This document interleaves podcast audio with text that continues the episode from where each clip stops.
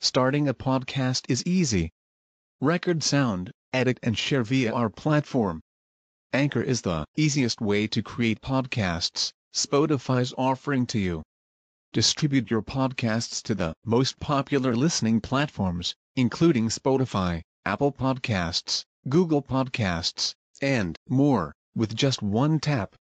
Download the free app to start your podcast with the versatile platform from Anchor. Thank you. Yang menyebabkan setan takut kepada Umar bin Khattab radhiyallahu an. Yang menyebabkan adalah apa? Kuatnya iman. Sebagaimana dalam hadis Umar sendiri, juga hadis Ummi Salamah dan lain-lain itu. Yang Rasulullah sampai bersabda, "Lau salakta fajjan wa salaka syaitanu fajjan, la salaka fajjan ghaira fajjik."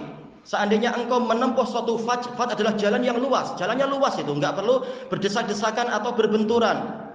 Setan juga di situ, niscaya dia akan cari jalan yang lain.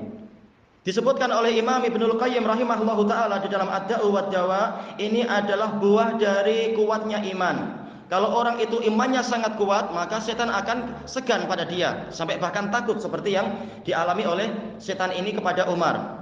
Taib. Jadi intinya kepada apa? Kekuatan iman, bukan karena kasarnya Umar, bukan masalah itu. Berapa banyak orang yang kasar ternyata apa? Dia jadi budak setan.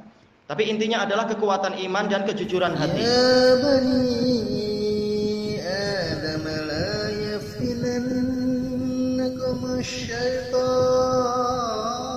الشيطان لا يفتننكم الشيطان كما أخرج أبويكم من الجنة